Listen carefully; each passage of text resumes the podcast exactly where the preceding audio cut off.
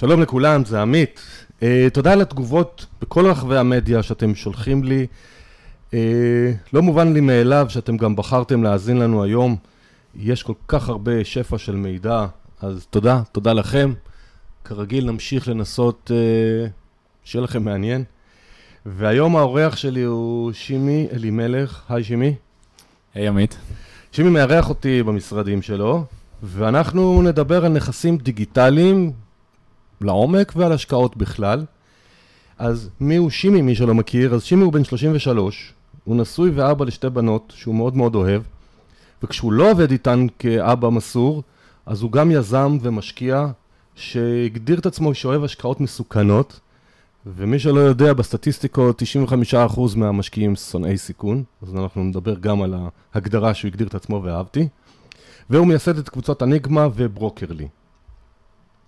עכשיו מה שנקרא גילוי נאות, לא גילוי נאות, לא יודע איך זה נקרא במונחים הרשמיים, אה, שתדעו, אני בתחילת השנה, לדעתי זה היה בינואר, תחילת ינואר, אני השקעתי באחד המוצרים של ברוקרלי, שזה אתר דיגיטלי להשכרה, ואנחנו נדבר על המודל הזה והרעיון לקראת סוף הרעיון, אבל אנחנו נדבר על זה, ושיהיה ברור, זה שאני בחרתי להשקיע בזה, אז זה ניהול הסיכונים והסיכויים שלי כאדם פרטי, מה שחשבתי, שום דבר פה לא מהווה המלצה, ואם מישהו זה יעניין אותו, כמובן שידבר עם הנציגים, עם שימי ונציגיו, ויחליט, אבל זה שאני עשיתי זה ממש לא אומר כלום.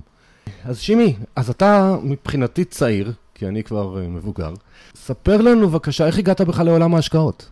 טוב, קודם כל, אני תמיד מחייך כשאומרים שאני עדיין צעיר. אה, לעומתי. לעומתך. 33. אה, בכל אופן, אתה יודע, זה עוד היה מרגיש צעיר באמת כשהייתי מדבר ככה בגיל 28-9, היום אני כבר... החלפת קידומת. כן, אני כבר מתחיל להרגיש שלפעמים אני קצת המבוגר שבחדר, אז תמיד הייתי הצעיר. אני התחלתי לפני קצת יותר מעשר שנים, אני אקצר כי אפשר לחפור מאוד על העשר שנים האלה. התחלתי מהשקעות נדל"ן בארצות הברית. בגיל 22. התחיל מקנייה של single family, של נכס אחד פרטי, יחד עם עוד שני שותפים שצירפתי אליי. שוב, אני לא יודע, לא, לא נעמיק בזה יותר מדי, אבל הקמתי לעצמי איזשהו system שם, לא, לא היה את כל המידע שיש שם ברשת. לא, לא בדיוק, אני רוצה לשאול אותך, כי יש קבוצות פייסבוק וקורסים וזה, אבל לפני עשר שנים... לא היה כל כך נפוץ, אז איך הגעת בכלל, כשאני אומר איך הגעת להשקעות, איך בא לך בכלל הרעיון אה, של נדל"ן בארצות הברית, כשאין מידע ואין מלווים? כי אני, אני מזכיר לך, לעצמי ולמאזינים, כשמטרת הפודקאסט זה גם לתת כלים פרקטיים, אבל גם השראה לאנשים שרוצים, אבל חוששים. לראות איך אחרים עשו את זה. מעולה, אז א', אני אשמח לתת השראה, אני תמיד שמח אם וכאשר אוכל. אז, אז זה עוד התחיל קצת לפני, נכנסתי לצבא קבע לעשרה חודשים. מאוד מאוד התחבר לי שם, שזה מה שאני לא רוצה לעשות בחיים, לאו דווקא את הקבע ספציפית. התפתח בי, אפשר לומר, משהו יזמי. אה, זאת אומרת, רציתי מאוד להיות אדון לעצמי. הרגשתי את הצורך להיות בעלים של הזמן. מבחינתי המשאב הכי יקר ש, שקיים, וכדי להגיע אליו צריך פשוט להגיע לאיתנות פיננסית מאוד גבוהה. זה יכול להיות חופש כלכלי, זה יכול להיות עצמאות כלכלית. אפשר להיכנס להגדרות האלה אחר כך. תוך כדי הקבע קראתי כמיטב הקלישאות את אבא ענייה בעשיר. בוא נאמר ש, שזה סיגל לי איזה תבנית חיים או אורח חיים, זאת אומרת מאוד התחלתי להסתכל על כסף אה, בצורה אחרת. אה, וכשהשתחררתי התחלתי לחשוב מה אני יכול לעשות עם אה, מה שצברתי ואיך אני מגיע עד של להיות אדון לעצמי ולשלוט בזמן שלי. דאז היו הרבה מאוד מאמרים על זה שבארצות הברית יש אה, תשואות מאוד טובות בנדל"ן. אני הרבה פעמים אומר שהיה לי פה מזל, כי באמת נפלתי בסוף, בסוף התהליך, אחרי הרבה בדיקות, על מתווכת מדהימה בהוליווד, פלורידה. קנינו בית ב foreclosure, עיקול מבנק למי שלא מכיר. נכס ב-70 אלף דולר שהיום שווה כמה מאות אחוזים למעלה, זאת אומרת קנינו ממש אחרי שהתחילו להרגיש את הסאב פריים בצורה קשה בארצות הברית. וזה פשוט התגלגל משם. הייתי חוסך את כל השכירויות, עוד הייתי גר אצל ההורים, הייתי חוסך את כל המשכורת. אה, עבדתי במכירות בזמנו, גם בידיעות אחרונות ואחר כך בפרטנר. הייתי עושה משכורות יפות, הייתי חוסך לדעתי 90% מהמשכורת בערך. ואז פשוט אחת לשנה, את כל מה שהייתי צובר מהמשכורות ומההכנסות של השכירויות בארצות הברית, הייתי מגלגל אה, לקניית בתים חדשים באותה שיטה, באותה צורה של foreclosure, שאז עוד היו המון המון נכסים כאלה בשוק. זה עזר לי מאוד לצמוח מהר. לצד זה התחלתי יזמויות. יזמויות הראשונות שלי נכשלו מאוד. אה, זאת אומרת, הן קרו. תן לנו דוגמה ליזמות, אה, באיזה תחומים? כוונה? אחלה. אז קודם כל זה קרה, חשוב לי להדגיש, תוך כדי שהייתי שכיר. זאת אומרת, הייתי עובד ביום ובונה את היזמות אה, בלילה. במה היית שכיר? באיזה תחום? אז תחילת הדרך הייתי אה, נציג מכירות בידיעות אחרונות, הייתי מוכר מנויים לעיתון, שנראה לי שזה אחד הדברים שהכי קשה למכור אה, בעולם היום, עם כל החדשות הדיגיטליות ועם זה שהכל מתעדכן אונליין כל כך מהר. אבל עדיין היינו עושים שם כסף טוב. אחרי כמה חודשים עברתי לפרטנר תקשורת, דאז אורנג', שם ניהלתי תיקי לקוחות עסקיים. ושוב, זה עוד היה בתקופה שהייתי גר אצל ההורים, אז הייתי חוסך המון המון, כמעט כל המשכורת הייתה נחסכת. אז. בואו נפתח את חלק מהיזמויות. היזמות הראשונה הייתה קצת אחרי שיצא אייפון 4, בזמנו זה עוד, אה, אתה רואה, אני מתחיל להרגיש מבוגר פתאום.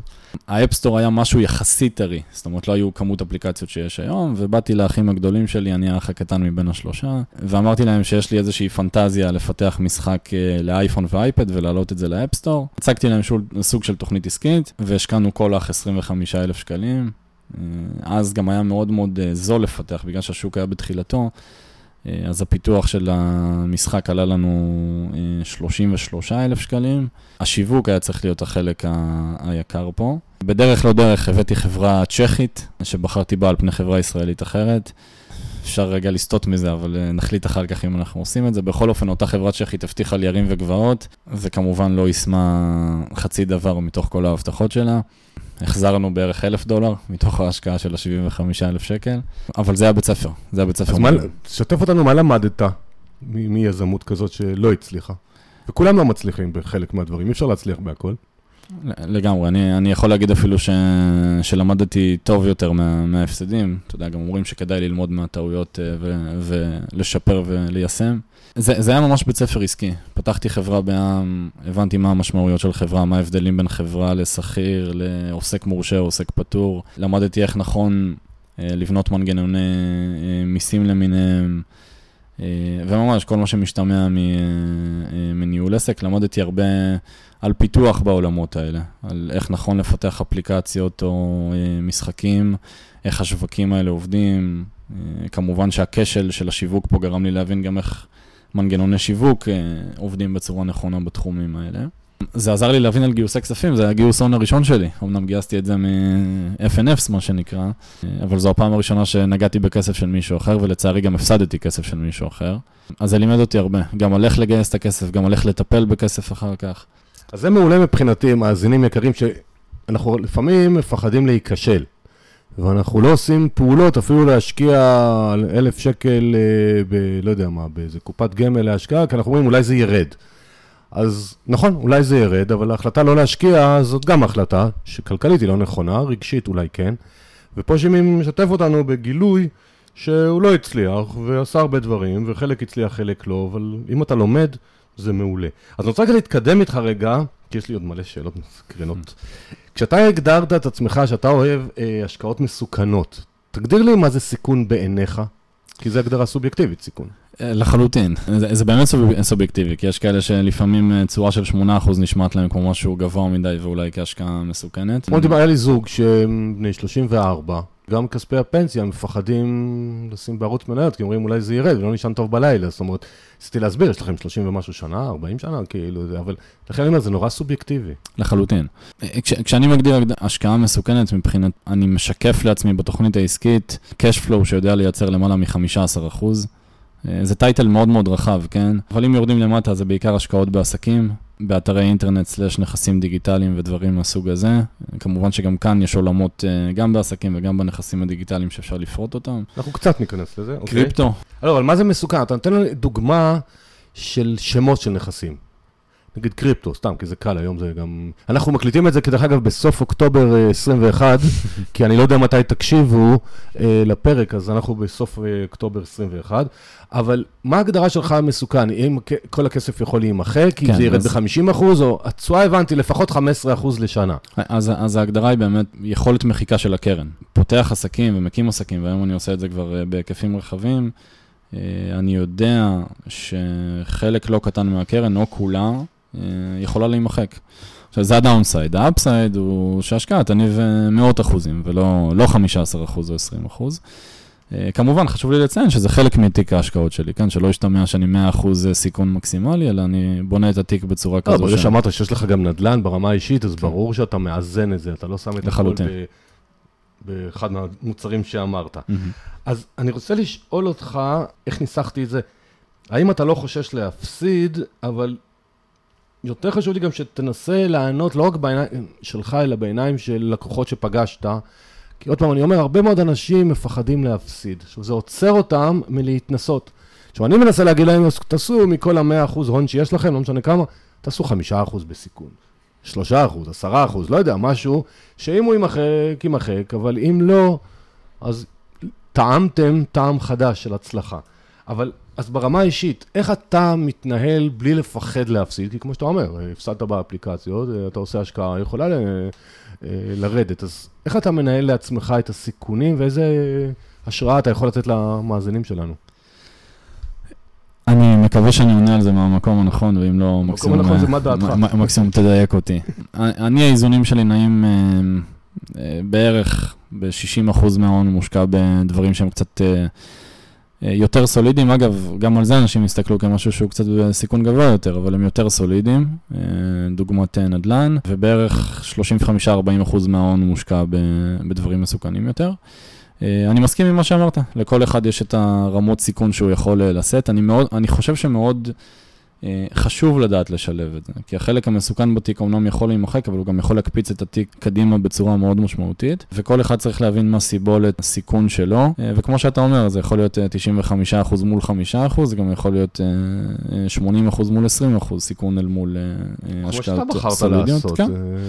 אה, כל, כל אחד ברמות שלו, אבל אני בהחלט מאמין שבתוך תיק השקעות מאוד חשוב לגוון את התיק, זה, זה ברור, זה בבסיס, לא, לא רק שוק ההון או לא רק נדל"ן, בטח לא רק דברים מסוכנים, ובעיניי מאוד חשוב שיהיו גם דברים מסוכנים, כי הם, שוב, מה שיכול להקפיץ את התיק למקומות אחרים. ואיך, השיט- מה השיטה שלך, או מה אתה עושה כשההשקעה לא מצליחה? כשאתה נכשל. ועוד פעם, אני אומר, כולנו, כל מי שמשקיע גם נכשל. וגם זה יכול להיות בהשקעה יחסית כאילו סולידית, ויכול להיות שלא.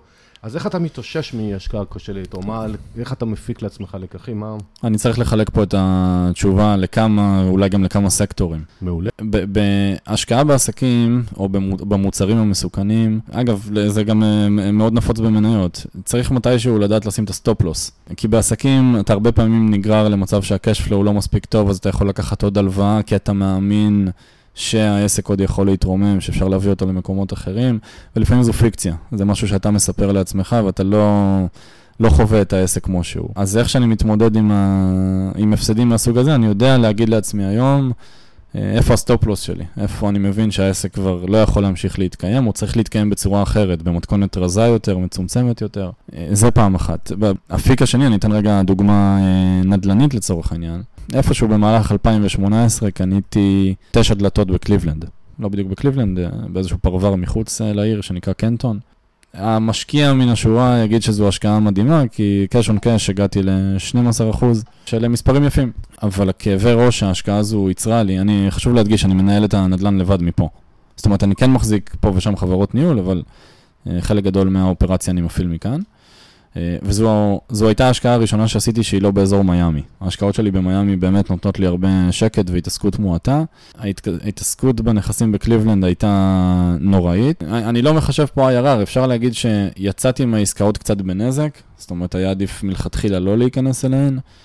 אה, אבל גם כאן, ידעתי להגיד שלמרות שאני מרוויח בסדר, ולמרות שבמכירה עכשיו אני כנראה אפסיד כמה שקלים, אני מעדיף לצאת בשביל השקט הנפשי שלי, למדתי, הבנתי מה היה טוב ומה היה רע בעסקה הזו, ואיך אני בהשקעות נדל"ן הבאות, שההשקעות נדל"ן הבאות לא יהיו באזור הזה, כי לי לא, הן לא מתאימות, הן כמובן יכולות להתאים להרבה מאוד אנשים אחרים, אבל במצבן ובאופיין הקודם הן, הן לא התאימו לי. זהו, אז, אז זה גם הדברים שמאוד חשוב אה, לשים לב ולהבין, אם הם מעסיקים אותך יותר מדי, אם הם גורמים למפחי נפש או ל... אה, שאתה לא נהנה מזה. ההפס- ההפסד הוא לאו דווקא כספי, הוא לפעמים מגיע בתצורות אחרות. כלומר, אתה בהחלט מכניס פה גם אלמנט רגשי. אתה אומר, אם אני כל פעם מפחד לפתוח את המייל, כי אולי איזה דייר יכתוב לי שיש לו נזילה וההוא לא תיקן לו, אתה אומר, בשביל 12 אחוז, לי, שימי, זה לא שווה. לא שווה את ההתעסקות לגמרי. סבבה. אז, אז שמענו ש, שבצד אחד, אה, לא לפחד לסגור, לא לפחד אה, להודות בכישלון, מה שנקרא, כי פסיכולוגי זה הרבה פעמים קשה לנו, אבל כלכלית זה כנראה, כמו שאמרת, stop loss, ממתי, יאללה, זה לא עובד. לא נעים, והלאה. יופי. אז, אז אני רוצה עכשיו קצת לעבור לכל עולם העסק ברוקרלי, שאתה היום מנהל אותו. נדבר בהתחלה על ברוקרלי בגדול, ואז נתמקד יותר בנכסים דיגיטליים, אבל יש פה איזשהו נושא שאני רוצה שאנשים יכירו מבעל מקצוע. הברוקרלי, שאתה נכנס אליו באינטרנט, זה אתר עם המון המון נושאים. יש בו marketplace של נדל"ן, של שוק ההון, של עסקים ונכסים דיגיטליים. אז אני אשמח שתספר לנו על הרעיון מאחוריו באופן כללי, ויותר נתמקד קצת מה זה marketplace, כי אני חושב שלא מספיק אנשים מבינים או מכירים את כל עולם ה marketplace. אוקיי, אז אה, ברוקרלי בבסיסו, האתר, הוקם כנכס דיגיטלי אישי וישיר שלנו כמובן. האפיון שלו, הרצון, החזון שלנו מתחילת הדרך, אה, היה להפוך אותו לפלטפורמה הראשונה או היחידה מסוגה כרגע במדינת ישראל. אה, שמציגה השקעות בכל הסקטורים השונים.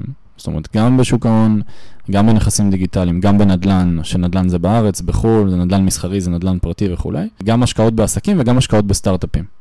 אה, ולהנגיש את זה לציבור, גם להנגיש את הידע הפיננסי וגם להגיש אה, הצעות ומפורטות ככל שאפשר. תוך כדי הפכנו את הנכס הדיגיטלי הזה לביזנס של ממש, שהיום הסקטור הכי חזק שלו, אה, באופן שאפילו הפתיע אותנו קצת, מתמקד בעיקר בקניית ומכירת עסקים. אנחנו לא אוהבים להשתמש במילה מתווך, אבל אפשר להגיד שהסקטור הזה משמש היום כמתווך, אנחנו מקבלים המון המון פניות של אנשים שרוצים למכור עסקים. אה, עסקים אה, פיזיים, עסקים דיגיטליים?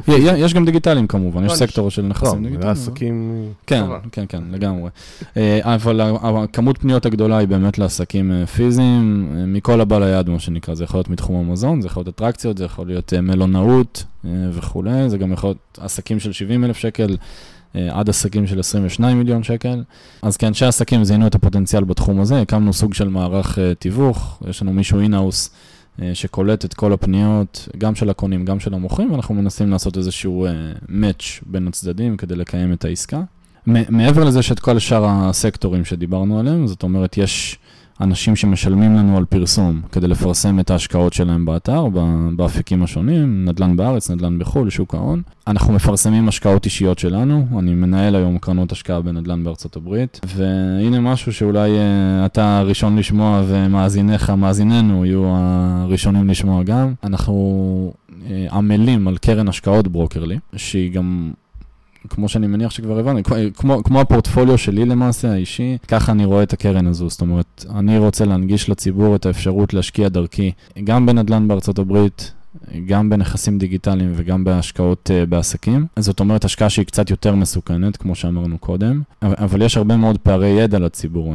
החשש הרבה פעמים נובע מזה שלא מספיק מבינים ולא יודעים. לא, גם קרן כזאת עשויה לתת פיזור מסוים, שאותו בדיוק. אדם שיש לו, אני לא יודע מה יהיה סף כניסה, אבל נגיד, סף הכניסה הוא X, אז אדם רגיל יכול X לעשות או את זה, או את זה, או את זה, ואם יש קרן, אז יש איזשהו פיזור, פיזור סיכונים, סיכוי, סיכויים. בדיוק, משם, משם זה נובע. אני רק ארחיב אולי על ה marketplace, כי נראה לי לא דיברתי על, כן. על זה. אז marketplace זה באמת מקום שמאגד ב, בתוך תחום אחד הרבה מאוד, אה, אה, נקרא לזה, אה, אפשרויות, אה, שירותים, השקעות או אה, כל דבר כזה. אה, זאת אומרת, אני סתם אתן דוגמה, מקצוענים, אני מניח שכולם מכירים, זה marketplace לבעלי מקצוע, זאת אומרת, זה מקום שאם אני היום מחפש אינסטלטור, או אה, אה, כל אדם בתחום המקצועות האלה, home services מה שנקרא, אני יכול להיכנס לשם, וזה marketplace שמאגד לי את כל בעלי המקצוע. אז אנחנו marketplace בתחום ההשקעות, ואפשר למצוא אצלנו השקעות מכל הסוגים. אז שאלה שעולה לי, האם אתם עושים איזשהו סינון? מה הכוונה? יש marketplace ים שכל אחד יכול לעבור ולעלות, ויש כאלה שעושים איזשהו סינון עם קריטריונים של עצמם. איך זה אצלכם? אז זה שלבים באבולוציה, מה שנקרא. בהתחלה, כשהאתר היה במתכונת אה, מאוד רזה, בסוג של POC, מה שנקרא, כדי לבדוק את ההיתכנות ואת היכולות שלו, אה, אפשרנו לכל אחד לפרסם בתשלום, כי אנחנו פשוט לוח מודעות, ומי שרוצה לפרסם, שישלם על זה כסף אה, אה, ויופיע שם. היום אנחנו גם, אני אומר פתוח, משדרגים את היכולות הכספיות של האתר, זאת אומרת, עובדים עם יזמים בצורה שהפניה טובה מאיתנו תניב לנו כסף, יותר מאשר הדמי פרסום הבסיסיים. אה, וכדי שאנחנו במרכאות נחתום על היזם, אה, או נגיש ללקוח, למשקיע הפוטנציאלי, אה, את ההשקעה ונפרט עליה, אנחנו עושים סוג של due diligence ליזם. כמובן שהמשקיע עוד צריך לעבור ולעשות את הבדיקות נאותות שלו בהמשך. אה, אבל אנחנו בודקים את היזמים, אנחנו בודקים את העסקאות שלהם, אנחנו מוודאים שזה עסקאות שגם אנחנו היינו רוצים להיכנס אליהן בעצמנו. זה ימשיך ויתחזק תוך כדי תנועה, זאת אומרת, זה יגיע עד למצב שאנחנו ממש חותמים על היזם, או לחילופין, אה, מגייסים את הכסף להשקעות שלנו. זאת אומרת, אנחנו. או מנהלים את הכסף, או מנהלים את ההשקעות עצמן. זאת אומרת, זה או מוצרים של צד ג' של יזם שאנחנו מביאים לעבוד איתו בשיתוף פעולה, או מוצרים ישירים שלנו. הבנתי. אני רוצה עכשיו לצלול עוד קצת ונתמקד, אם שמת לב, התחלנו ברחב עליך, לאט לאט mm-hmm. אנחנו מצטמצמים, ואני רוצה שנצטמצם כרגע לעולם הנכסים הדיגיטליים. אוקיי. Okay. אז הזכרת שברוקרלי כמה, הקמתם אותו כי רציתם שיהיה לכם נכס דיגיטלי, ובעיניים שלי נכס דיגיטלי זה המון דברים. לגמרי. אז בוא תיתן לנו את האני מאמין שלך, מה זה נכס דיגיטלי? אוקיי. Okay. אמ, יותר מאני מאמין שלי, יש אה, סוג של הגדרות אה, די אה, ברורות. משהו ברחבי הרשת שיודע לייצר כסף, זה יכול להיות ערוץ יוטיוב, עמוד פייסבוק, עמוד אינסטגרם, אתר לידים, אתר מכירות, חנות באי-ביי, אמזון, שופיפיי.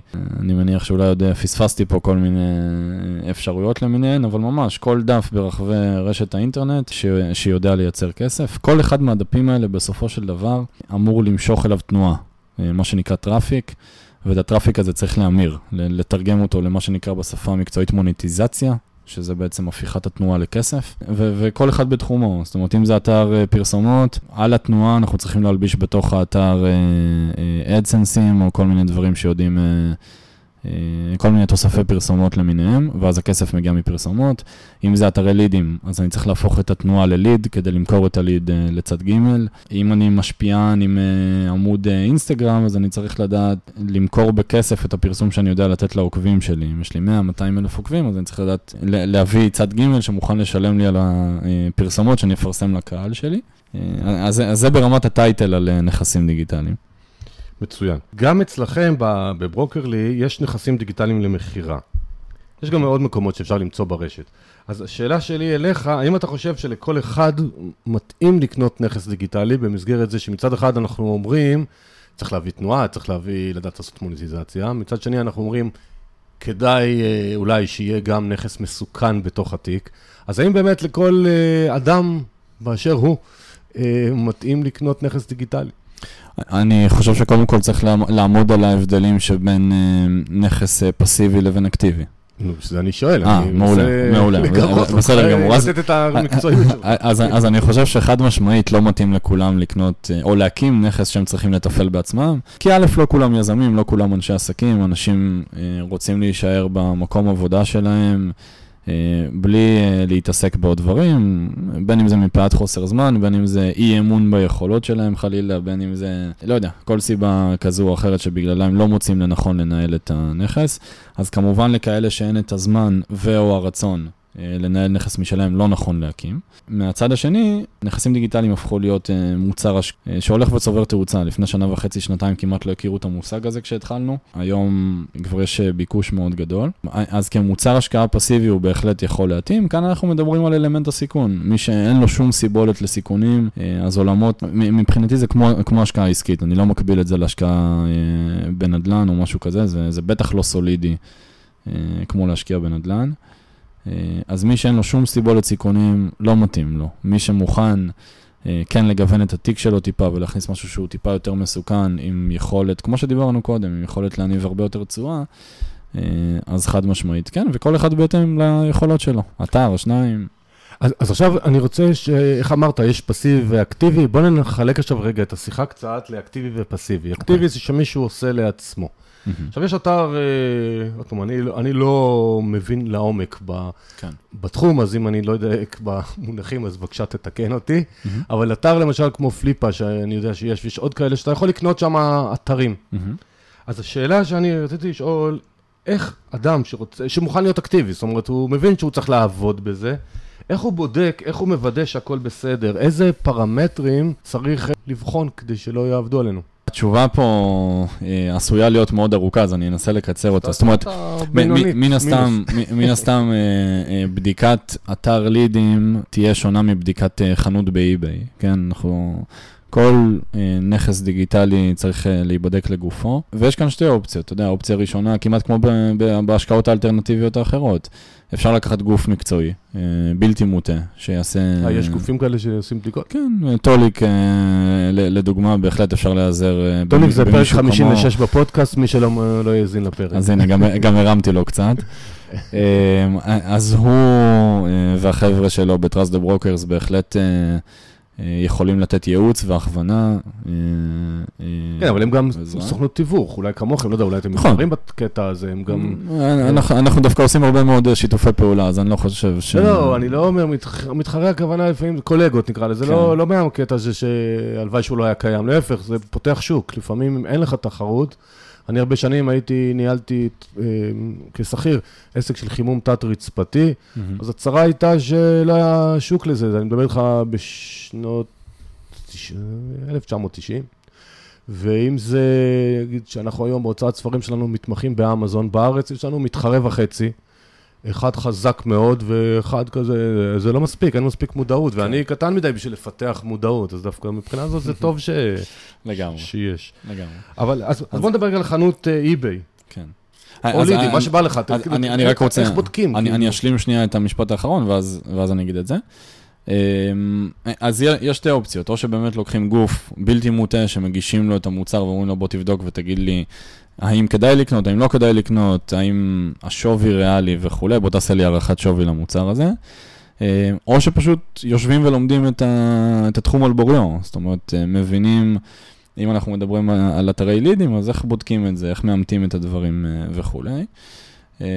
אולי אני אתן אפילו דוגמה פרקטית. אנחנו, חלק מהפעילות השוטפת שלנו, אנחנו מנסים לקנות אתרים שאנשים לא מצליחים להתמודד איתם, אה, להשביח אותם, ואו לייצר מהם, להשאיר אותם כ- כאתרים מניבים, לייצר cash flow, אה, או לעשות עליהם אה, סוג של flip, ממש כמו בנדל"ן.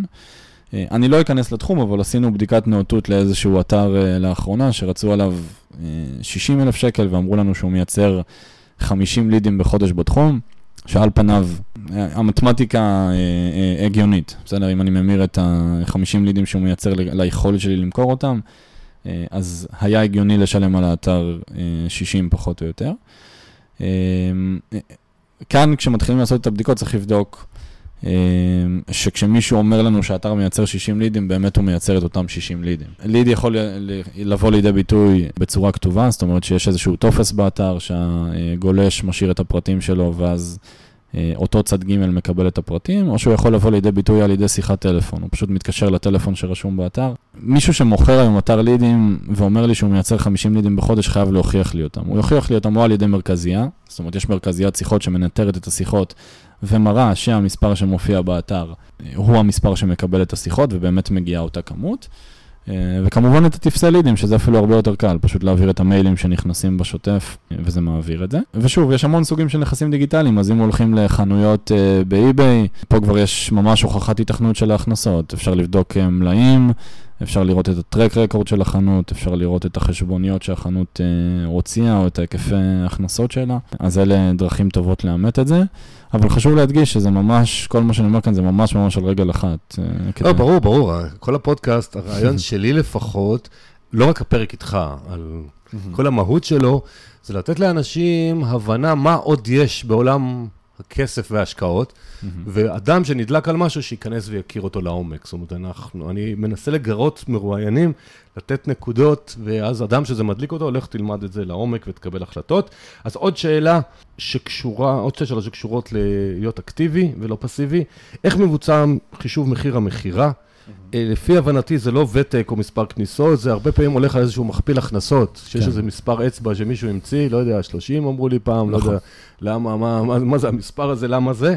אז בוא תסביר לנו קצת, כי אותם 50 לידים למשל, אתה יודע, אם אני רוצה חצי שנה לפני מכירה, אני יכול ללכת לאיזה אתר מיקרו-וורקרס באיפשהו ולהגיד להם, תלחצו לי על אה, לידים ותשאירו פרטים, שזה זה קשקוש בלבוי, זה לא, זה לא מעניין. אז קצת איך, אז תספר לנו בקיצור, איך, אה, הערכת שווי. איך עושים הערכות שווי אוקיי. לאתרים. אה, אז אתה לא טועה, המכפיל המקובל היום בשוק נע סביב ה-30 חודשים. עכשיו, נע סביב, זה אומר שהוא יכול להיות אה, אה, 40, אני אומר 48, 24 חודשים, אה, והוא יכול להיות 36 חודשים. זאת אומרת, זה מכפילים של איפשהו בין שנתיים לשלוש, זה מקובל גם הרבה מאוד, בהרבה, בהרבה מאוד מקומות בעולם העסקי, אבל...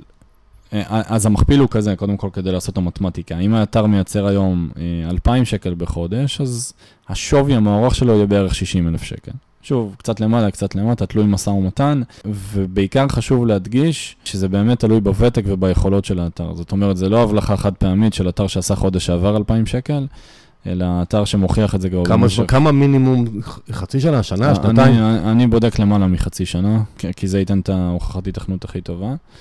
אה, עכשיו, מה שאמרת מקודם, שמישהו יכול להקליק וכולי, אז בסוף אתה בודק פה בשני ערוצים. אחד זה באמת כמה לידים נכנסים, ושניים שבאמת יש צד ג' סקירות. שניים שבאמת יש צד ג' שמדבר, שמשלם את הדבר הזה. עכשיו, יותר מזה, בהנחה שיש מרכזייה בדרך, אתה גם יכול להאזין לשיחות. אתה רואה שהשיחות איכותיות, כי אם אתה מאזין לשיחות ואתה רואה שהן בלוף, שהשיחות לא איכותיות, אז... לא, אני מדבר, דיברתי על ליצור קשר באתר, כאילו, אה, על, על. דף. לא, שיחות אז- זה באמת אה, קצת יותר אה, כן. חד-חד. אז, אז כנראה שפה הספק לא ישלם את הכסף הזה. אולי חודש אחד הבלוף הזה יצליח לאותו בעל אתר, אבל בחודש השני הבעל מקצוע כבר לא ישלם את, ה, את הסכומים האלה. בסוף... לא, כשאתה- אני מדבר על מכירה, לא על מישהו ששוכר אתר. דיברתי על מכירה, אני בא לקנות, כן. אומרים לי, זה עושה 1,500 שקל לחודש, על 30, מכפיל 30, תביא 45,000 שקל ונהיה מרוצים. אז, אז זה מה שאני אומר, ואתה רוצה לראות שמישהו משלם על זה 45,000 שקל, אה, סליחה, שמישהו 1,500. משלם את ה-1,500 שקל בחודש. לאורך, אה, ואתה אומר לפחות חצי שנה שמישהו. שילם 1,500 שקל. בטח. אה, אם הוא... זה לא שהחודש השישי 1,500, אלא לפחות שש פעמים... שרואים, ואתה תוכל לדרוש קצת יותר מזה אם אתה יכול להוכיח יכולת גידול או פוטנציאל. לא, זה בסדר, אבל אני, רוצה שאנשים יבינו למה הפרק איתך גם חשוב לי. המון המון שואלים אותי מה זה נכסים דיגיטליים ואיך, גם לקוחות וגם כללי. וזה עולם ומלואו, כי מבחינתי, אני אישית, עמית, הקטן, כאילו, אז יש לי ספר ספרים באמזון, שזה מבחינתי נכס דיגיטלי, יש לי רשימת תפוצה, נכון. אני, יש לי ערוץ יוטיוב ש... עם פרסומות, כי אני, יש לי כבר כמעט אלפיים, אה, זה, זאת אומרת, זה, יש לי את הפודקאסט, יש לי קבוצה, יש המון, אבל אני לא, לא אין, אין, ויש לי פסיבי, תכף נגיע לזה אצלך, וכל מיני דברים אחרים. אז אני רוצה שאנשים יבינו את העולם הזה, כי, כי הוא מורכב, הוא מסובך. מצד שני, העתיד הוא דיגיטל. אז שאלה אחרונה באקטיבי, אז נגיד שאדם רוצה להיות אקטיבי, נגיד שהוא אמר, יאללה, אני אלמד, אני אכיר קצת, וקנה נכס באזור 50 אלף שקל, סתם, מימון מספר. השאלה היא, מניסיון שלך, כמה שעות עבודה בעצם צריך ביום, או חנות אי-ביי?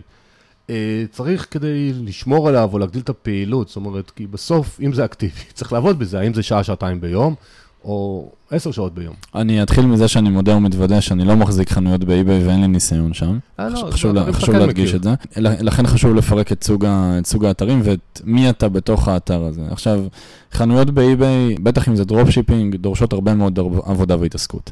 אתה יודע, יש הרבה מוכרי חלומות שאומרים ששעה עבודה ביום או חצי שעה עבודה ביום. זה לא שם, זה דורש הרבה התעסקות, הרבה עבודה, הרבה ניתוח של מוצרים כל הזמן על בסיס שוטף. יש כל מיני פיתוח רובוטים היום שכבר יודעים לעשות הרבה מהעבודה בצורה עצמאית.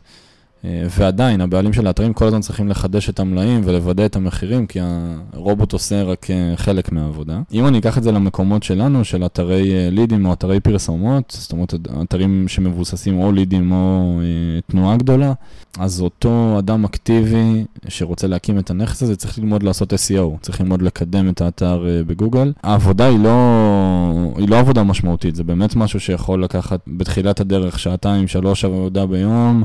אה, בהמשך הדרך זה ירד אה, בצורה די משמעותית, אה, אבל הלימוד של זה יהיה מאוד מאוד ארוך. זאת אומרת, צריך ממש להבין איך עושים SEO, מה האלגור... מה האלגוריתם של גוגל רוצה.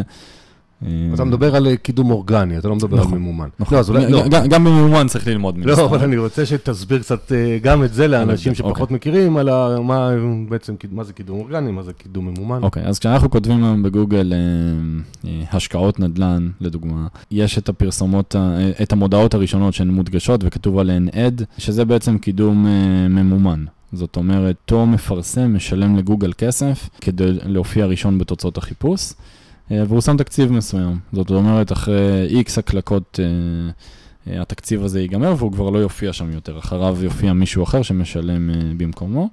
כמובן שלאורך הדרך זה גם נעשה ברוטציה, כי גוגל מציג שם 4-5 תוצאות. אה, ואם משלמים יותר, אז המפרסמים פשוט מתחלפים. קידום אורגני זה כל מה שבא לאחר מכן, כל מה שנמצא מתחת לשורות המודגשות והממומנות. בקידום אורגני אני לא רוצה לסבך את, אתכם יותר מדי, אבל יש בעיקר שני דברים שעושים, עבודת on-site ועבודת off-site, עבודה בתוך האתר ועבודה מחוץ לאתר. העבודה בתוך האתר כוללת את כל מה שקשור לפריסה נכונה, בניית דפים, כותרות, פוטרים, headers, footers, כל המשקולות, דברים מהסוג הזה.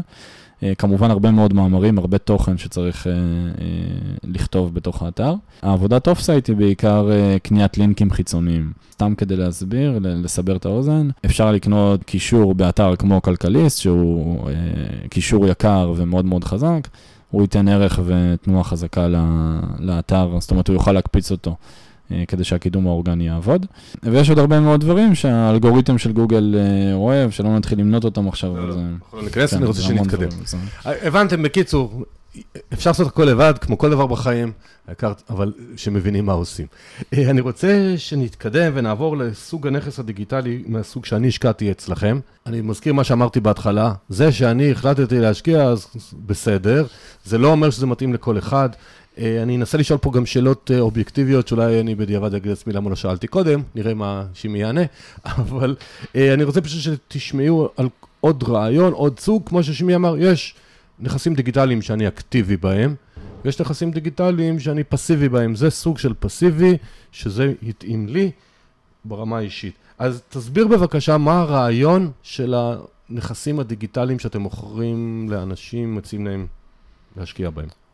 אוקיי, okay, אמ, um, אולי נתחיל אפילו טיפה אחורה. הרעיון הזה נולד מזה, uh, אולי כדי שאני אציג גם את השותפים שלי. Uh, יש לי שני שותפים במיזם הזה, קוראים להם uh, אורי דוד ותמיר פרל. תמיר הוא זה שאחראי על הקידום האורגני, וכל הביזנס הזה בעצם מבוסס ומושתת על, על קידום אורגני. את תמיר הכרנו, אני ואורי, לפני קצת יותר משלוש שנים. לי ולאורי יש היכרות מוקדמת מהעסקים האחרים שלי. אה, אורי הוא סוכנות דיגיטל שהיה אה, עדיין משווק לי אותם ברשתות השונות. אז את תמיר הכרנו לפני קצת יותר משלוש שנים, וכבר אז תמיר הגיע עם אה, כמה אתרים שהוא הזכיר אותם לצד ג', אתרים כאן בארץ בכל מיני מקצועות ותחומים. שלנו זה, לי בעיקר, כמישהו שמגיע מעולם הנדל"ן, זה נשמע קצת מוזר שניתן להשכיר אתרים בשווים כאלה, בהיקפים שהוא הצליח להשכיר אותם. אה, ולצד כמה אתרים שכן היו מושכרים, היו לו כמה שלא היו מושכרים. אנחנו כיזמים כמובן אה, זיהינו את הפוטנציאל ונכנסנו פנימה, הצענו לו שאנחנו ניקח ונעשה את אותה מוניטיזציה, ניקח את התנועה שהוא מייצר היום ונמיר אותה לכסף. אה, בהמשך כמובן המשכנו להקים אה, עוד אתרים, ואז התחלנו אה, עם מודל שהוא סוג של מודל חדש, הוא אותו רעיון, עדיין אתרים אה, עם קידום אורגני, אבל התחלנו להיכנס לשווקים של ארה"ב וקנדה. עשינו את זה כי אורי במסגרת היותו סוכנות דיגיטל, ניהל קמפיינים לכל מיני אה, חברות בתחום.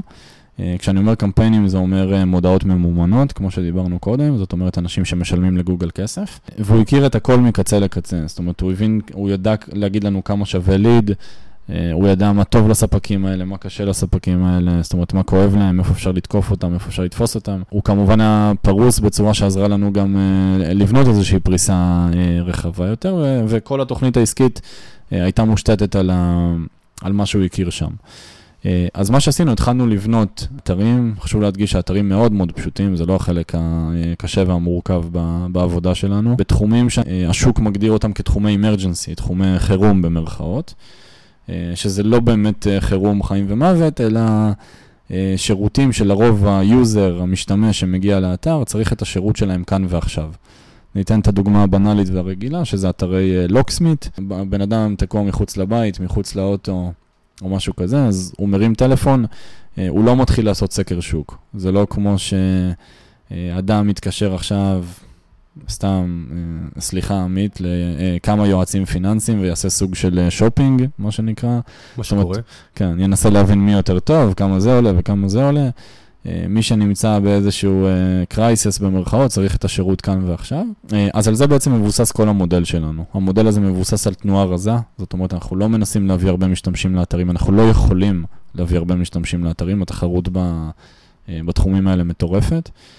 אבל האחוז המרה הוא מאוד מאוד גבוה. זאת אומרת, כמות המשתמשים שהופכים ללידים, וכמות הלידים שהופכים לעסקאות הלכה למעשה, זה באחוזי המרה מאוד גבוהים, זה באזור ה-30 אחוז, אולי זה לא אומר יותר מדי למי שלא מהתחום, אבל 30 אחוז המרה זה, אחוזי המרה מאוד מאוד גבוהים. אבל רגע, אני, אתה נכנסת לטיפה רזולוציה okay. אוקיי. לפני שהסברת את המקרו, אז אני ברשותך אסביר את okay. אוקיי. המקרו ותדייק אותי אם אני טועה. שוט. אני אגיד מה אני חושב שהשקעתי בו, אז תכף נראה אם הבנתי את ההשקעה. בעצם אה, הם מציעים לכם להקים לכם אתר ייעודי עם דומיין שלכם, לא איזה marketplace שדיברנו עליו מקודם מה זה, ואז למצוא שיגיעו אליו לידים בקידום אורגני, ואז להשכיר את האתר למישהו, או, שמי, למכור את הלידים. עכשיו, מה ש... זה הכותרת. מה ששימי הסביר עכשיו, זה בעצם המכניזם. מה, מה אנחנו עושים בפועל. כן, אבל אני התכוונתי שיגיד רגע את המקרו. אז עכשיו בוא נדבר רגע, מי בעצם האלה שקונים את הלידים או הסוחרים, ולמה בעצם שהם לא יקימו לעצמם אתר? כי אמרת, האתר בעצם פושט, הוא לא איזה אתר מתוחכם עם איזה 7,000 אפליקציות בפנים. נכון. זה, זה חלק מאותן שאלות שאנחנו שאלנו את עצמנו בהתחלה, אבל באמת רוב בעלי המקצוע שם אה, מורגלים ומתורגלים לקניית לידים. זאת אומרת, אנחנו לא המצאנו את הגלגל, אנחנו... אה, יש עשרות אם לא מאות חברות כמונו בשוק שמייצרות לידים ומוכרות לידים לאנשים האלה. אה, מדובר ב, לרוב בבעלי מקצוע שעולמות הדיגיטל רחוקים מהם אה, שנות אור. זאת אומרת, הם לא טורחים לפתח לעצמם אתרים, הם לא מחזיקים אה, עמודי פייסבוק, עמודי אינסטגרם כדי לעשות שיווק.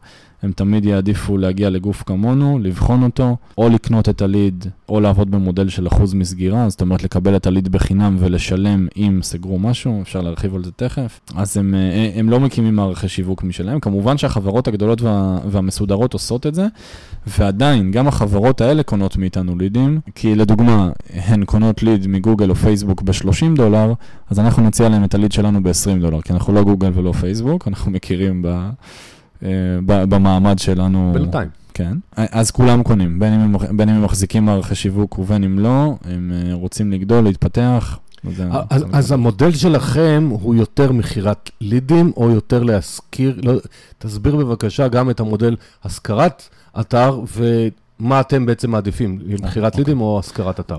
אז יש לנו שלוש אפשרויות לייצר הכנסות. האפשרות המועדפת עלינו היא השכרה. כחברה מתפעלת ומנהלת, אנחנו היינו מעדיפים אה, שאותו בעל מקצוע יסכם איתנו לדוגמה על 600 דולר בחודש, fixed price, אה, ואז אנחנו לא שומעים אותו והוא לא שומע אותנו. צד הכי פחות תפעולי מבחינתנו והכי נוח, אבל חשוב להדגיש בטח היום כשאנחנו גדלים, בתחילת הדרך באמת רוב האתרים שלנו עברו להשכרה, אה, היום זה לוקח יותר זמן. היום עד שאנחנו מגיעים למצב של השכרה, הבעל מקצוע רוצה לראות אה, תקופה ארוכה של לידים יציבים, איכותיים, אז בוא, בוא נאמר שזה החלק האחרון של התהליך.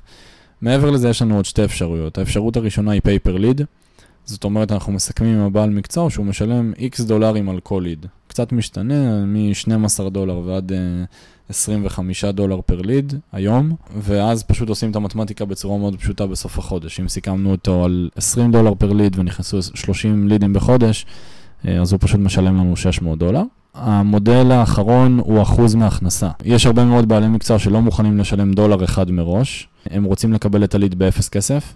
אם וכאשר הם סוגרים את העסקה, הם משלמים לנו בין 40 ל-50 אחוז ממה שהם סגרו, אה, בניכוי חלקי חילוף. זה, אפשר לומר, המודל הכי רווחי, אבל מבחינתנו הוא הכי תפעולי, והדבר שאנחנו כן, הכי לא רוצים. כן, לעקוב אחרי זה. זה, זה, זה נורא, זה באמת... פה uh... לרמאות מצד ה... אז, אז פיתחנו את המנגנונים שלנו, כי אנחנו גם יודעים להאזין לשיחות, זאת אומרת, אנחנו יודעים מתי הפגישות נקבעות, אה, אנחנו עושים פולו-אפ כדי להבין מה קרה בפגישה, ויותר מזה, אנחנו מפעילים איזשהו דיספאץ' שמרים טלפון ל- ללקוח שהזמין את השירות, אה, ועושים סוג של בדיקת שירות, איך היה השירות, כמה שילמתם, אני רוצה לשלוח לך חשבונית כדי לנסות לאמת את הכל. יאמר לזכותם של בעלי המקצוע שהזיופים אה, מעטים מאוד, כי באמת, הם חיים מהלידים האלה, אז הם, אה, הם לא משחקים משחקים שם.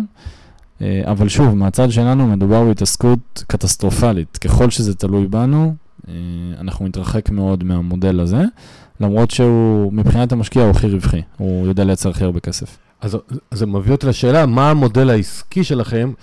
כלומר, נכון לאוקטובר 21, וזה יכול להשתנות, לא יודע אם תקשיבו לזה בעוד חצי שנה, או בעוד חודשיים, או בעוד שנתיים, אולי המחיר אחר, אבל שתי שאלות שקשורות לכסף. אחד, מה העלות השקעה למשקיע, ומצד שני, מה המודל העסקי שלכם, למה לעשות את זה בעיניים שלכם. אז אנחנו מוכרים כל אתר כזה בעלות של 28,000 שקל פלוס מע"מ, זה 32,760 כולל. חשוב להדגיש שזו ההוצאה היחידה של הלקוח לאורך כל הדרך, זאת אומרת, אין עוד...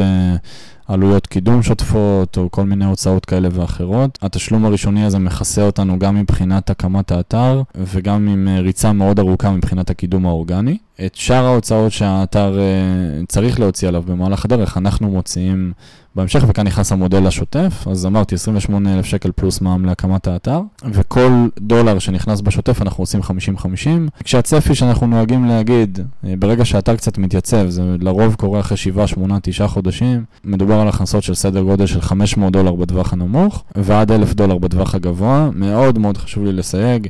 אתרים בשנה הראשונה שלהם לא מתקרבים בכלל לרף של האלף דולר. האתרים היותר ותיקים שלנו כן, זה באמת עניין של ותק. שם המשחק פה בסוף זה לידים. ככל שאתר אה, ותיק יותר הוא מתחזק, ואנחנו מייצרים ממנו יותר תנועה שמתורגמת ליותר לידים, מה שעוזר לנו אה, לדרוש יותר כסף. בתוך כמה חודשים רואים את השקל הראשון? אה, אז זה מאוד משתנה. אנחנו בשאיפה מביאים את בעל המקצוע מיד עם הקמת האתר. הקמת האתר לוקחת סדר גודל של חודש. ובזמן הזה אנחנו כבר משתדלים ליצור קשר עם בעלי מקצוע, אה, מסבירים להם את החזון, מסבירים להם את המודל אה, ומגייסים אותם. אנחנו מגייסים אותם משתי סיבות. אחת, היא שבעבר לא היינו עושים את זה. היינו מחכים שהאתר קודם כל ייצר תנועה, אה, ואז מה שהיה קורה זה שאם פתאום אחרי שלושה, ארבעה, חמישה חודשים יש לידים, הם היו הולכים לשום מקום, כי לא היה בעל מקצוע שיקלוט אותם. בראש ובראשונה אנחנו רוצים שהלידים יקבלו מענה. הסיבה השנייה היא כמובן לנסות לייצר הכנסות מוקדם יותר. זאת אומרת, אם הצלחנו להגיע עם הבעל מקצוע למודל של פייפר uh, ליד, כלומר הוא משלם על כל ליד, אז גם אם האתר אחרי ארבעה חודשים מייצר חמישה לידים, האתר יכול להכניס 100 דולר. ואם סיכמתי איתו על אחוז מסגירה עם אותו בעל מקצוע, אז אם האתר עשה חמישה לידים והוא סגר עסקה אחת מתוך החמישה לידים האלה, סכום ש... שאי אפשר להעריך אותו עכשיו, כי עסקאות יכולות להיות 200 דולר ויכולות להיות 2,000 דולר. אז היו לנו משקיעים שעשו הרבה מאוד כסף בהתחלה, והיו כאלה ש... שחווים את זה בטפטופים. כן, אבל... 20 אז... דולר, 50 דולר. אז, אז, אז אתה יודע מה, אז אני אגיד בניסיוני האישי, mm-hmm. שאני לא יודע אם הוא מייצג או לא, כי אני, כן. אני מכיר את המאה אחוז סטטיסטיקה שלי, ואני אחד מתוך עשרות, מאות, אז אני לא יודע. אז אני אגיד לכם, אני, נדמה לי בינואר, תחילת ינואר, אמצע ינואר, לא זוכר בדיוק מתי, החלטתי להיכנס לנושא הזה. באוגוסט, שזה בערך שבעה חודשים אחרי זה, קיבלתי סכום יחסית קטן מאוד. בספטמבר הסכום עלה, באוקטובר, סליחה, באוגוסט הוא עלה, בספטמבר הוא עלה עוד יותר, באוקטובר הוא עוד יותר עלה, החודש הזה כלומר. אז יש פה איזושהי מגמת uh, עלייה, אני, לפי מה שאני מבין זה עוד לא הסוף. אז זה עובד, זה מתחיל להתקדם, אבל בהחלט צריך לקחת בחשבון שיש כמה חודשים שכלום. אז לא, לא, לדעתי הסובייקטיבית ומניסיוני האישי, לא לצפות שאחרי חודש, למרות שפה שימי פה אמר שמנסים, לא תמיד גם זה הולך, כי זה גם נורא תלוי בגוגל, מתי הוא בעצם לאותו לקוח לחוץ, אה, מעלה את, ה, את האתר שלכם מולו, שהוא יוכל, אה, שיהיה לו איפה להשאיר ליד. אז זה צריך להכיר את זה. שאלה אליך אה, בנושא, מה תקופת ההחזר הממוצעת שאתה יכול לנח... להציע, להציג, זאת אומרת בממוצע, ממוצע הוא ממוצע, תזכרו, יש יותר טובים ויש פחות טובים. כן, אנחנו מדברים על סדר גודל של uh, שלוש שנים, שלוש וקצת, משהו באזור הזה. חשוב להדגיש שוב, יש יכולת uh, לקצר את ההחזר הזה על ידי מכירה. אם האתר באמת uh, טוב, מושכר או מייצר כסף מלידים תקופה יחסית ארוכה, אפשר למכור אותו בשווי יותר גבוה ממה שהוא נקנה. יכול להיות גם הרבה יותר גבוה, שוב, תלוי כמה הוא טוב. אני נזהר מלצייר לא, ברור, אבל חלומות. אני, אני, אני שולח אתכם לפני 22 דקות בערך, לא יודע, שדיברנו שאתר יכול להימכר כיום, אה, המכפיל 30, אז מה שבעצם, אה, שימי אומר, אם האתר מייצר X אה, מאות דולרים בחודש, תכפילו ב-30, אחרי שנה וחצי, שנתיים, אולי שווה לכם, מי שלא בא לו יותר, למכור את זה ולעשות אקזיט. אתם עוזרים גם במכירה? כן. אמ, אנחנו עוזרים אה, במכירה גם כי יש לנו אינטרס מאוד אה, מובהק כאן. זאת אומרת, אנחנו לא רוצים שהמשקיע ימכור את, ה, את הנכס, אנחנו רוצים ליהנות מה cash מהתזרים מזומנים. כשאנחנו עוזרים במכירה, אנחנו בעצם מנסים אה, לחבר את זה למשקיע אחר שרוצה לקנות אתר מוכן שמייצר כסף היום. זאת אומרת, במקום לקנות אתר חדש שיתחיל לראות כסף עוד 7, 8, 9 חודשים, יש, יש לנו הרבה ביקוש לאתרים שמייצרים כסף כאן ועכשיו. ואז זה סוג של perfect match. צד אחד רוצה לממש ולעשות את אותו אקזיט שאמרת לפני רגע, אה, והצד השני מחפש משהו שיניב כסף היום ולא בעוד אה, שמונה חודשים. והאם אתם מתחייבים לאיזה שהן תוצאות? לא, אנחנו לא מתחייבים לשום דבר, אני תמיד מדגיש את זה. אה, אני שוב אומר, זו השקעה שהיא יותר מסוכנת, השקעות אחרות וצריך לקחת את זה בחשבון. לשמחתנו, אין לנו אתרים שלא מייצרים כסף. יש אתרים שמייצרים פחות כסף ממה שציפינו, ממה שחזינו. כמובן אפשר לדבר עם הרבה משקיעים שלנו כדי לבדוק את זה ולראות גם את האתרים שלהם, אבל אין פה ביטחונות, אין דרך, אה, שוב, זה, זה לא בית שיש עליו אה, טאבו עם שווי מאוד ברור. אנחנו בסוף... אה, צריך, לה, צריך להבין, הסיכון פה הוא שאנחנו עובדים על האלגוריתם של גוגל, ואם גוגל מחר בבוקר החליטו לשנות את כל האלגוריתם הזה, אז נדפקנו, סליחה על הביטוי. כמובן שגוגל תמיד עושה עדכונים שאנחנו מצליחים uh, להתמודד איתם ומעלים את האתרים בחזרה למעלה אם הם ירדו, אבל מאוד מאוד חשוב לי באופן אישי שמשקיעים תמיד ידעו את, ה, את הסיכונים הפוטנציאליים. גם לי, ולכן שאלתי. כן. אנחנו ממש לקראת הסוף, אז הזכרת מקודם את המושג חופש כלכלי, שמי שרוצה להגיע אליו, ואמרת שיש כל מיני הגדרות, שתף אותנו מה, מה זה בעיניך חופש כלכלי. חופש כלכלי מבחינתי זה אומר שאני יכול לעשות פחות או יותר מה שאני רוצה. אני צריך לסייג את מה שאני רוצה, כי זה, כי בסוף אה, לכל דבר אה, יש, יש, עלויות, יש עלויות כספיות, כן, וחוקים כמובן. אני יכול לעשות מה שאני רוצה ברמה של uh, לעבור uh, לחיות עכשיו בתאילנד, או uh, להפסיק לעבוד ולצאת לטיול מסביב העולם כמה חודשים או כמה שנים, לקבל, לעשות את מה שאני רוצה בלי שום לחץ וחשש כלכלי. זאת אומרת, יכול לעזוב את העבודה שלי, יכול לעזוב את העסקים שלי, להתמקד במה שאני אוהב.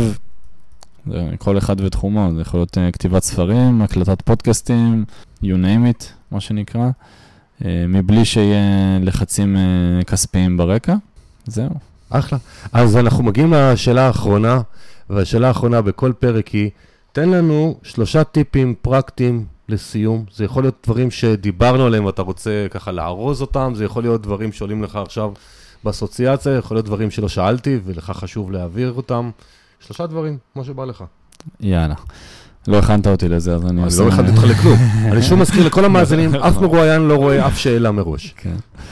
אז אם אני צריך להתייחס להשקעות, אני שוב אומר, הטיפ שלי, אמ, וחלילה שלא יישמע שאני מנסה למכור את המוצר שלי, אני אומר את זה באופן כללי, אה, חשוב לגוון מאוד את התיק, זה, זה בבסיס, שזה לא יהיה רק שוק ההון או רק נדל"ן, תמיד אה, אה, לפזר ולשים את הביצים בכמה סלים. יחד עם זאת, אני חושב שנכון להכניס אלמנטים שהם קצת יותר מסוכנים לתוך התיק, כאלה שלא אה, נמות במרכאות או נבכה, אם, אה, אם נמחק אותם או אם הם ייפגעו משמעותית, אה, אבל שהאפסייד שלהם, שוב, יכול להקפיץ אותנו אה, מאוד מאוד קדימה. אה, זה בהיבט כלכלי-פיננסי. נקודה שנייה היא תתרמו, ותתרמו לאו דווקא כסף. אה, זה, זה כמובן תמיד טוב, אני מאמין בזה שאנחנו ב... אה, שנתינה היא דבר שחוזר. אבל כשאני אומר אה, תתרמו, זה יותר ממקום של נתינה אה, לזולת, בדברים שאתם יכולים ו- וטובים בהם.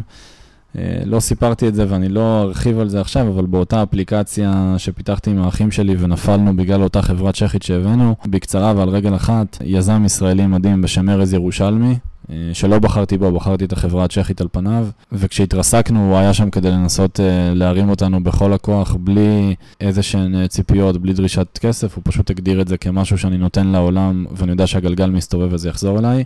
זה חזר אליו אגב בעשרות מונים על ידי עשרות או מאות לקוחות שאני העברתי לו אחר כך רק בגלל זה, אבל זה בן אדם שדיברתי איתו לפני עשר שנים ומאז כמעט ולא, והרוח שלו, אפשר לומר, שורה בי עד היום. אה, וזה מסר שלקחתי ממנו ואני מאוד מאמין בו, אני מאמין ב, בלתרום ולתת. אה, אז זה ככה משהו שבעיניי אה, הוא מאוד מאוד חשוב. הטיפ השלישי, אני מאוד מאמין ב"תעשו את מה שאתם אוהבים ומה שאתם רוצים". סטיב ג'ובס אמר באחד מההרצאות שלו, אם אני לא טועה בסטנפורד, שכשהוא היה מתעורר כמה בקרים ברצף ואומר לעצמו שהוא הוא עושה היום את מה שהוא לא רוצה, או אם זה היה היום האחרון בחייו, אם זה מה שהוא היה רוצה לעשות. כשהוא אמר את זה יותר מדי בקרים ברצף, הוא החליט שהוא אה, מפסיק. אני חוויתי את זה בעצמי כשכיר כמה פעמים. אני כמובן לא אומר את זה כדי שאנשים שכירים יפסיקו להיות שכירים, כל אחד ומה ש... יש אנשים שזה מתאים להם. כן, לגמרי. אמרת, מה שטוב לכם. בדיוק, שכל אחד יעשה את מה שהוא אוהב. זה בסוף החופש האמיתי, ואני חושב שגם ככה מצליחים. זאת אומרת, אם החשש הוא לא להצליח, אז אני דווקא מאוד מאמין בזה שכשעושים את מה שאוהבים, אפשר להצליח הרבה יותר.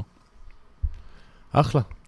תודה רבה, שימי. תודה לך, אמת, היה כיף. הייתה שיחה שלדעתי עזרה מאוד להבין את עולם הדיגיטל וכל מיני אפשרויות השקעה בו, ולהבין שזה גם מסוכן, אבל אה, לא נורא אם אתם יודעים מה אתם עושים. אה, בתיאור הפרק יש לינק לברוקרלי, זאת אומרת, אם תרצו כן לקבל אה, פרטים נוספים על השקעה בנכס דיגיטלי או בנכס פיזי, מה שהם עושים, אז בהחלט מוזמנים לפנות. שוב תודה לכם שהייתם איתנו היום. אה, אנחנו מאוד מקווים שנינו שמצאתם את השיחה הזאת כמועילה. ואני אישית אשמח שתספרו לכל מי שאתם מכירים ועוד לא מכיר את הפודקאסט אה, עליו, כי אני רוצה שהוא ימשיך לגדול ולהגיע לעוד ועוד ועוד בתים. ואל תשכחו לבקר בערוץ היוטיוב שלי, יש שם המון המון אה, סרטונים חדשים, עוד ערך, עוד מידע. ותודה, ונשתמע בפרק הבא. להתראות.